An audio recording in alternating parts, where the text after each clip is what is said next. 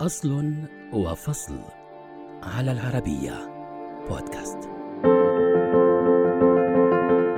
خيمة كبيرة مليئة بالبهلوانات والسحرة ومحترفي الألعاب البهلوانية مع حيوانات شرسة تصغي لرجال متمرسين هذا هو وصف السيرك ولكنه في الواقع عالم أكبر من عروض الترفيه قطع مسافات زمنية طويلة قبل أن يظهر بوصفه الحالي فكيف حدث ذلك؟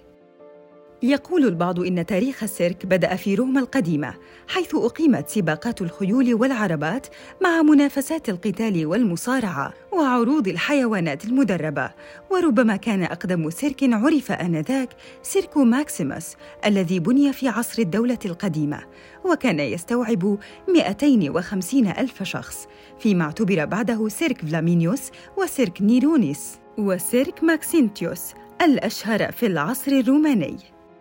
في القرن الثامن عشر بدأ السيرك الحديث مع ضابط الفرسان الإنجليزي فيليب آستلي الذي افتتح مدرجاً لعروض الخيل بلندن عام 1768 فسمي ساحة الأداء الدائرة ومنها ظهر اسم السيرك قبل أن يتطور لمفهومه الحديث بعد موسمين في لندن حيث جلب آستلي راقصات الحبال والمشعوذين والمهرجين وغيرهم. في عام 1782 افتتح تشارلز ديبدن وشريكه تشارلز هيوز السيرك الملكية في لندن. فنقل آستلي سيركه إلى فرنسا تحت اسم أمفي ثياتر أنجلاس وبنى 18 سيركا آخر في أوروبا وتجول بينها على الرغم من ظروف السفر الصعبة لكنه عاد إلى لندن مع اندلاع الثورة الفرنسية ولم يعد إليها إلا بعد سنوات من السلام حيث أعاد إحياء سيركه وسلمه لابنه جون آستلي. وبحلول سبعينيات القرن التاسع عشر كانت السيركات الضخمة تجوب أوروبا وأمريكا محملة بقطارين أو ثلاثة قطارات من المعدات. فقام حينها تشارلي كيث ببناء أول سيرك محمول وحصل على براءة اختراع لذلك عام 1892 لكنه لم يكن عملياً كما كانت غالبية مباني السيرك المؤقتة آنذاك غير آمنة. ففي عام 1848 قتلت زوجة مالك السيرك بابلو فانك في لندن عندما انهار مبناه المؤقت.